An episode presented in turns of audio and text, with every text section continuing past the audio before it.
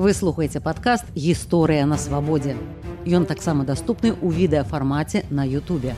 Вы глядзіце і слухаеце канал гісторыя на свабодзе з прагі вас вітае Дмітрый Гурневіч. У Беларусі тры гады дзейнічае закон аб генацыдзе беларускага народу ў гады вялікай айчыннай вайны і пасляваенны перыяд. За адмаўленне такога генацыду заводзяцца крымінальныя справы. Пачаліся нават суды над памерлымі удзельнікамі генацыду. Хто ж і супраць каго насамрэч праводзіў палітыку генацыду ў гады другой сусветнай вайны і навошта пра яго ўспомнілі цяпер у Беларусі. Пра гэта і пра іншае мы паговорым сёння з беларуска-ізраільскім гісторыкам, доктарам гістарычных навук, кіраўніком праекту гісторыя габрэю Беларусі цэнтру дыяспоры пры тэлявіўскім універсітэце Леонідам Смелавіцкім. Добрый дзень спадара Леонид. Здравствуйте. Спадар Леонид, нагадайце, ласка нашым гледачам супраць каго і кім ажыццяўляўся геноцид падчас другой сусветной войны? Ну, вообще, э, это вопрос, который не требует доказательств, поскольку уже существует консенсус в мире о том, что политика нацистской Германии, разработанная еще до начала э, Советско-германской войны в июне 1941 э, года и осуществлявшаяся все то время, пока нацисты не были изгнаны с территории Советского Союза в 1944 году, э, эта политика э, достаточно хорошо известна, изучена, доказана. И сам термин «геноцид» появился спустя 15 лет после окончания Второй мировой войны. Он был предложен для того, чтобы наиболее точно определить вот эту трагедию восточноевропейского еврейства, которая была беспрецедентна в мировой истории, когда существовала государственная программа, я имею в виду э, Третьего рейха, по уничтожению евреев как народа, начиная от младенцев и кончая взрослыми людьми. В этой программе не, не делалось исключения абсолютно ни для, ни для кого. А затем э, признаки геноцида были переведены, экстраполяция на э, другие народы, которые испытали подобную судьбу. Э, значит, народы Азии, Африки, вовсе не евреи, но с ними поступали как с евреями. То есть геноцид от начала до конца всех. Э, далее, в наше время, э, как ни странно, этот термин стал ну, такой модный. Его употребляют к, к случаю э, и не к случаю, беспредметно, частно. Если кто-то кого-то э, кто-то кого-то преследует, то это объявляют геноцидом. И даже то, что произошло у нас в Израиле 7 октября 2023 года, это трагедия, которая продолжается, вы знаете, у нас сейчас идет война, тоже нашлись люди, которые начали говорить, что это геноцид евреев. Когда берут заложников, ни о каком геноциде разговора быть не может. И здесь я хотел бы э, подчеркнуть, что э, значит, геноцид и военные преступления – это вещи близкие по внешним признакам, но совершенно э, противоположные. Почему? Если вы мне зададите такой вопрос, я вам не отвечу. абавязкова і вось на прыкладзе беларусаў калі ласка нацысты забілі таксама сотні тысяч беларусаў і чым з навуковага пункту гледжання адрозніваецца тэрор супраць беларусаў і геноцид супраць габрэяў у беларусе значит э, самое важное что геноцид это когда никому не оставляют шансов на выживание и всех уничтожают значит, виноватых и невиноватых, старых, молодых, женщин, детей, все. Вот всех под ноль. Под ноль. А военное преступление – это террор за какие-то деяния. То есть если вы сопротивляетесь, то вас тогда наказывают. Если вы можете оказать помощь тем, кто сопротивляется, вас тоже наказывают. Значит, э, белорусов самое важное, что мы должны помнить, что белорусов никогда не уничтожали за то, что они белорусы. Евреев уничтожали всех до одного. Тотально, абсолютно. Везде. Где э, схватили евреев, он был обречен. И ни, никакое заступничество не, не, не спасало. Э, вот это главное отличие. беларускія гісторыкі пераважна тыя которые сёння падтрымліваюць улады яны ўсё ж такі баронічы гэты закон аб геноцидзе супраць беларускага народу узгадваюць пра план ост так который існаваў і ён прадугледжваў менавіта вот, вынішчэнне славянскага насельніцтва або там э, высяленне перасяленні што гэта вот менавіта сведчыць пра, э, пра, пра геноцид што вы пра гэта думаеце План ОСТ – это единственный аргумент в пользу вот этой псевдотеории о геноциде э, белорусского народа. Значит, он состоит в том, что в 1940 году была разработана программа, как поступать со славянским населением на оккупированных территориях. Этот план э, значит, предусматривал не уничтожение покоренных народов, а их действительно переселение в Латинскую Америку, а, значит, на Северный Кавказ, куда-то в Сибирь. Э, значит, какие-то проценты переводились в том, что якобы там 75% должно быть переселено. Но если термин переселения в отношении евреев означал тотальное уничтожение, то на другие народы этот термин не, не, не распространялся. Я хочу э, значит, в пользу того тезиса, который я сейчас вам назвал, высказать следующее. Нацистам не нужно было убивать покоренные народы.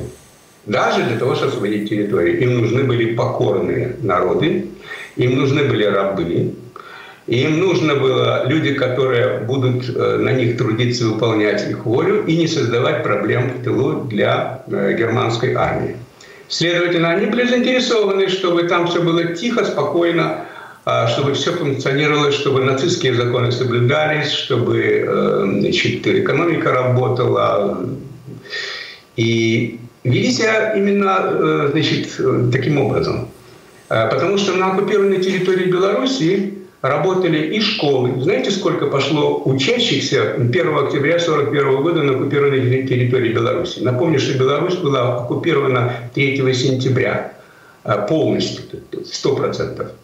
385 тысяч учащихся школьного возраста пошли в школы, которые работали по нацистским программам, были, а, были значит, открыты с, с разрешения нацистов. Рабо, э, значит, работали э, учительские институты, выходил журнал «Белорусская школа» на белорусском языке.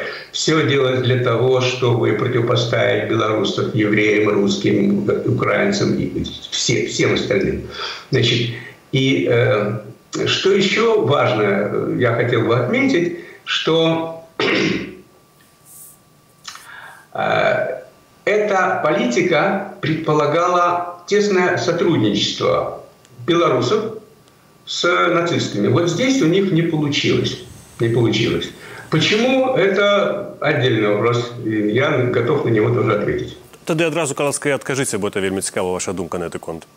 Нацисты были очень обеспокоены, чтобы не поднялась партизанская, не партизанская война. Но до июня 1942 года все у них вроде бы было по плану. Однако сталинские диверсанты, которые были заброшены с территории Москвы, специально разожгли э, эту войну партизанскую, и, и вся Беларусь заполыхала. И тогда начались карательные операции. Причем я хочу сказать, что там, где карательные операции не проводились, э, там, где партизаны не действовали, карательной операции не было. Например, а, значит, Минская и Витебская область Э, там было большинство карательных операций. И действительно там все сравняли с землей, сожгли э, значит, деревни с людьми. И, по-моему, было уничтожено 4850 населенных пунктов. А вот что касается Гомельской области, Брестской или Гродненской, там, там карательных операций не проводилось в таком масштабе, как это было Витебской и Минской областях. И, и там все уцелело. То есть кто не сопротивлялся, того не э, уничтожали. Спадар Леонид, еще такое пытанне. Вось гэты закон, про які мы гаворым беларускі, закон аб геноцидзе беларускага народу, ён прадугледжвае як бы э, у гэты тэрмін Э, беларускі народ ён улічвае таксама і беларускіх габрэяў. Таму што улічваецца тое насельніцтва якое жыло на гэтай тэрыторыі там нават до 1951 года паколькі дзейнічалі розныя структуры яшчэ ў лясах ці там банды нейкія ці там постпартызаны ці антысавецкія. Як вы самі ставіце вось да такога абагульнення фактычна ну цяпер это назвалі некай інклюзіўнасцю так далучэння габрэяў да беларускага народа? Здесь возникает сразу вопрос, почему о э, законе Почему закон принят только сейчас? Почему 70 лет после окончания Второй мировой войны об этом не говорили? Я вам отвечу почему. Потому что Холокост как явление, как понятие отрицался в Советском Союзе и был наследован официальной белорусской исторической наукой. Если вы меня спросите, почему э, Холокост не признавался на территории Советского Союза, вот, я тоже вам скажу, потому что тогда надо было отвечать на вопрос, э, какова цена победы. И как так случилось, что целый народ оказался обречен? И почему одних убивали, а, а других нет? Почему одним а, оставляли шанс на выживание, ставя определенные условия, а, а другим такого э, не было? И праведников народов мира, которые сегодня, кстати, в Беларуси насчитали 650 э, человек, начали искать в Беларуси только в 1993 году. А до этого даже кто помогали евреям э, спасаться, они сидели и помалкивали. Я брал интервью у таких людей. И на мой прямой вопрос, почему так все вели, мне отвечали, а мы не знали, как, э, какая реакция будет со стороны соседей. Из восьми книг, которые я написал, три посвящены Холокосту. Я этой темой занимаюсь очень давно. И могу вам сказать, что расчет создателя этого закона о так называемом геноциде белорусского народа состоял в том, чтобы апеллировать к исторической памяти белорусов. Э, война – это плохо, немцы, нацисты, фашисты – это плохо, а все остальное, э, все остальное – это хорошо. И сегодня делается явный, явный намек, да, очень прозрачный такой намек о том, что а, вот посмотрите на Германию. Германия выступает против подавления гражданского общества Беларуси, связанного там с событиями августа 2020 года. И сегодня Германия на стороне борющейся Украины – Э, значит, э, э, следовательно, посмотрите, кто у вас в друзьях. Эти танки с крестами, которые сегодня идут на Украину и воюют с российской военной техникой, посмотрите. То есть людям делается такая смысловая подмена. Не для того, чтобы посмотреть, посмотрите на форму, но забудьте о содержании. Кроме того, я должен сказать, что в этом законе Э, о геноциде белорусского народа нет таких слов, как евреи, и нет таких слов, как Холокост.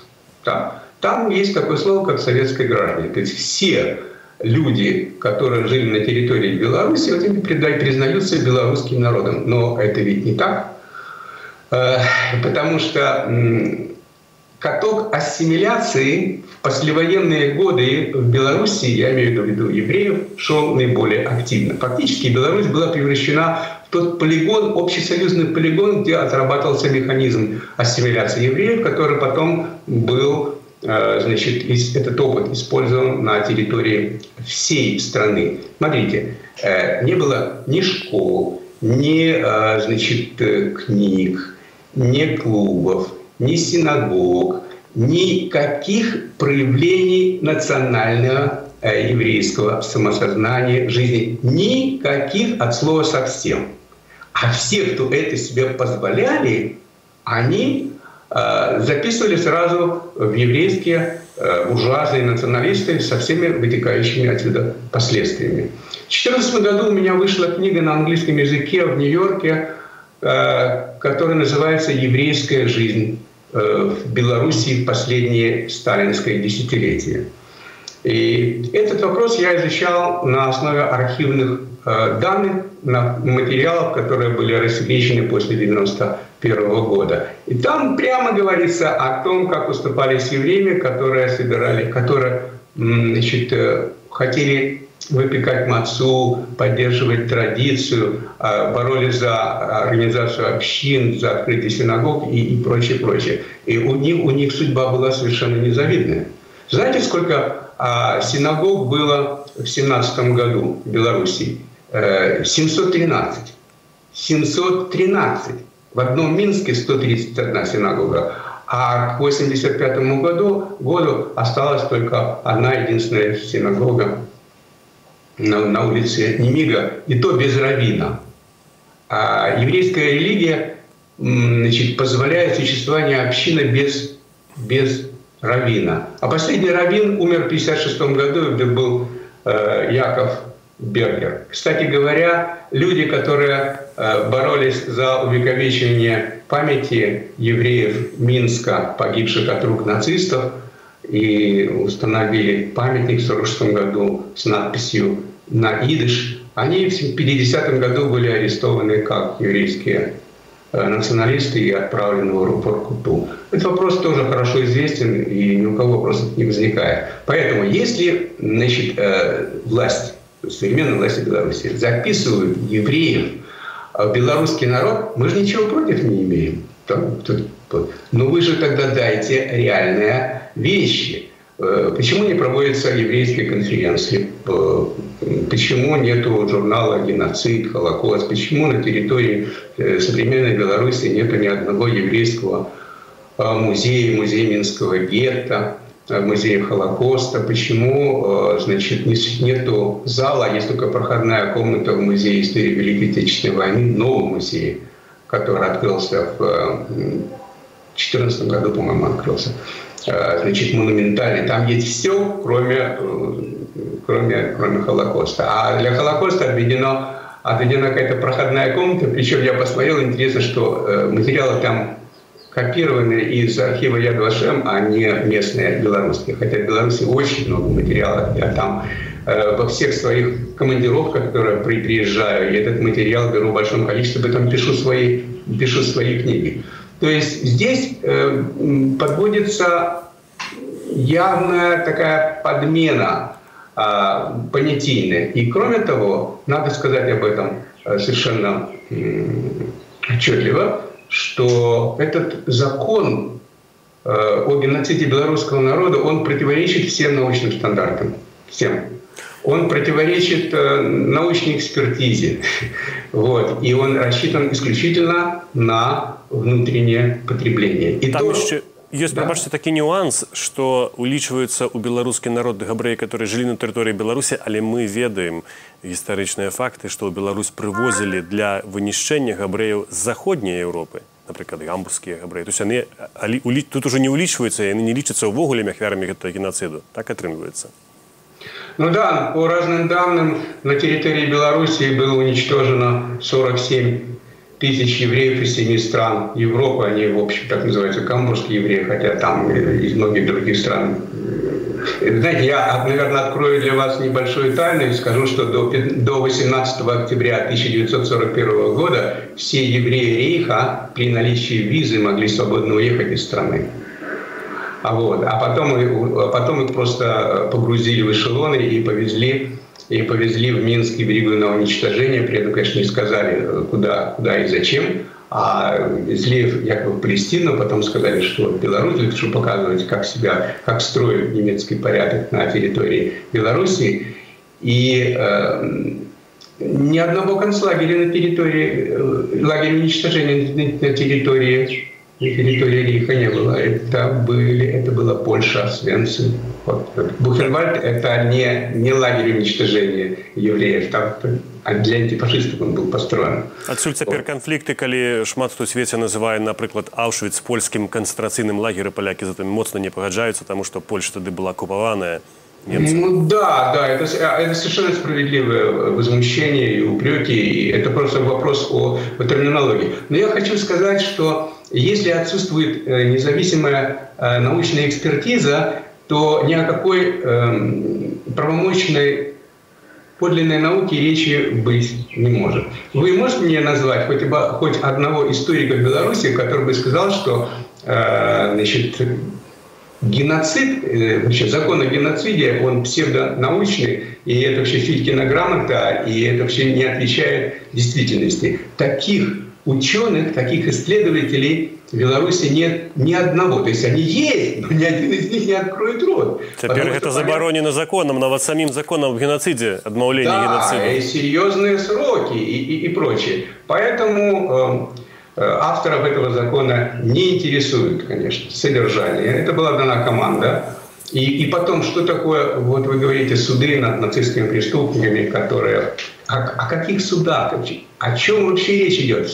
Вообще судебный процесс – это предполагает судебное состязание между прокуратурой и защитой. И суд уже, исходя из э, того, что он слышит и принят решение, принимает, он, он выносит свой вердикт. Этого же нет в принципе. Поэтому надо просто громко еще раз хлопнуть дверью и заявить, что нас тоже убивали, а вот посмотрите с евреями, что происходит. Им и э, компенсации, им и внимание, им и э, значит, бонусы международных организаций. А нас, белорусов, тоже убивали в таком количестве, и нам ничего. То есть более примитивного подхода я бы, конечно, даже не знал. И вообще на этом, конечно, в научном сообществе это воспринимает все значит, с, с, горькой, с горькой улыбкой.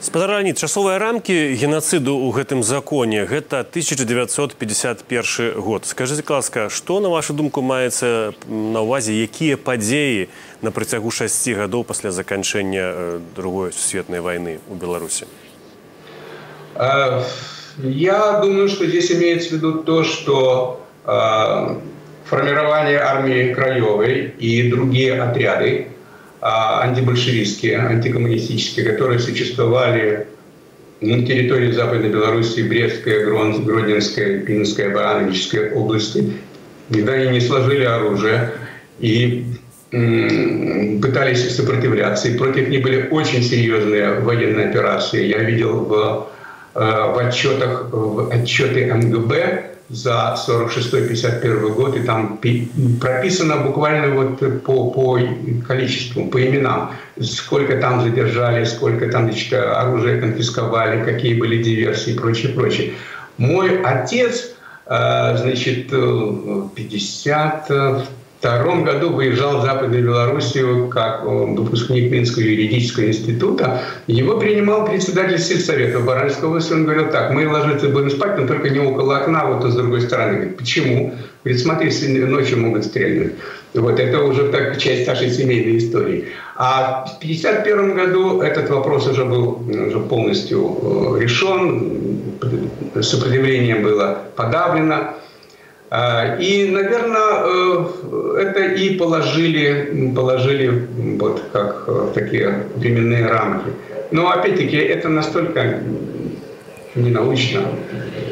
І апошняе пытанне спадарраніт навошта на вашу думку увогуле гэты закон прымаўся і навошта асабліва зараз праводзяцца суды над памерлымі закон конечно принимался с оглядкой на внутреннюю аудиторию э, и на внешнюю на внешнюю сказать я повторю, что нас тоже убивали, а про нас никто не говорит, мы что, не люди. Вот.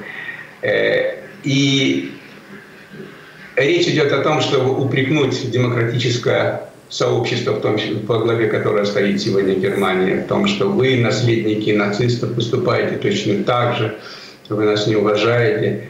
Э, кстати говоря, когда открывали Тростенец, да, вот этот памятник, комплекс мемориальный, немецкий посол ведь туда не приехал. Приехал австрийский посол, вот, и израильский посол тоже туда не приехал. Потому что посмотрели, как это все устроено, и про евреев там ничего не говорилось, и ни одного Маген Давида не было, и слова узники гетто не было. А там было написано, так, знаете, такое, э, э, не знаю, как подобрать слово, значит, такой эфемизм, вот, эфемизм такой, жители Минского гетто, жители, жители Минского гетто, не евреи, а жители Минского, жители Минского гетто. И э, те памятники жертвам нацистского геноцида, которые сегодня, сегодня ставятся в Беларуси, вы там уже слова «Холокост» не встретите. Там будут жертвы, э, жертвы э, нацистского геноцида. И здесь уже обобщают все. А если посмотреть, как ведет сегодня, сегодня себя, значит, что, что написано в учебниках, и э, какие книги изданы, то там прямо рядом с нацистами э, и белорусскими коллаборационистами под червоно-белым стягом ставят фотографии, которые э, значит, уже после августа 2020 года. То есть прямая-прямая аналогия. Еще раз хочу подчеркнуть, что закон ориентирован исключительно на внутреннюю аудиторию, и никого больше они слушать не хотят. И я думаю, что и оценка такого закона, она э, не, невысокая, и придет время, когда будут над этим и хихикать, и смеяться, и приводить как пример псевдоистории. Это еще одно доказательство насилия и подавления гражданского общества и э, свободомыслия в современной Беларуси, что вызывает, конечно, большое огорчение. И историкам сегодня это понятно. Я об этом могу говорить совершенно, э, совершенно свободно, откровенно, потому что я в Иерусалиме. Вот. А люди, которые сегодня в Беларуси, они, конечно, не могут позволить э, вслух сказать то, что я думаю. И это, конечно, трагедия.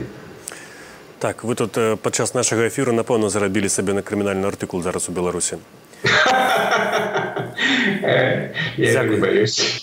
На сувязі з намі быў беларуска-ізраільскі гісторык, доктар гістарычных навук, кіраўнік праекту гісторыя габрэю Беларусі цэнтру дыяспоры пры тэлявіўскім універсітэце Леонид Смелавіцкі, а ў празе для вас працаваў Дмітрий Гурневич. Усяго вам самага добрага.